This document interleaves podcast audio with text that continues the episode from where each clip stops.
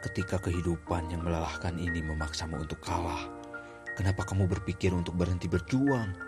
Atau bahkan berpikir ingin mengakhiri semuanya? Bukankah kamu telah melewati banyak sekali fase seperti ini sebelumnya? Bahkan mungkin lebih berat dari ini.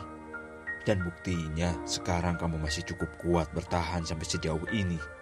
Apakah itu bukan suatu pencapaian yang hebat dari dirimu?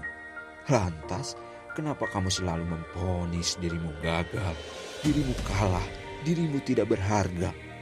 Hei, Bung, ayolah tegakkan kembali wajahmu. Mari kita nikmati dulu secangkir teh hangat di sore ini. Berhentilah menghakimi dirimu seperti itu.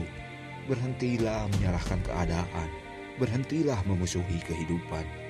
Biarkan kehidupan ini berjalan sesuai dengan garis dan kehendaknya. Oke lah, untuk saat ini kita akui kekalahan ini dengan lapang dada. Untuk saat ini, kita terima semua kekecewaan ini dengan besar hati. Kamu sudah berusaha semaksimal mungkin. Itu berarti satu poin berharga telah kamu dapatkan sekarang.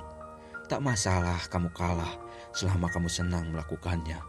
Karena lebih baik kalah berlumuran darah di medan perang daripada menjadi seorang pecundang yang kalah sebelum berperang. Ya, Itulah kehidupan, terlalu kuat untuk dikalahkan. Tapi bukan berarti tidak bisa dijinakkan. Kamu hanya harus mengikuti aturan mainnya jika ingin mengalahkan kehidupan. Kehidupan ini memang tak seindah yang kamu rasakan, tapi kehidupan pun tak seburuk yang kamu pikirkan. Percayalah, Tuhan selalu menghargai perjuanganmu. Percayalah, Tuhan selalu memperhitungkan lelahmu.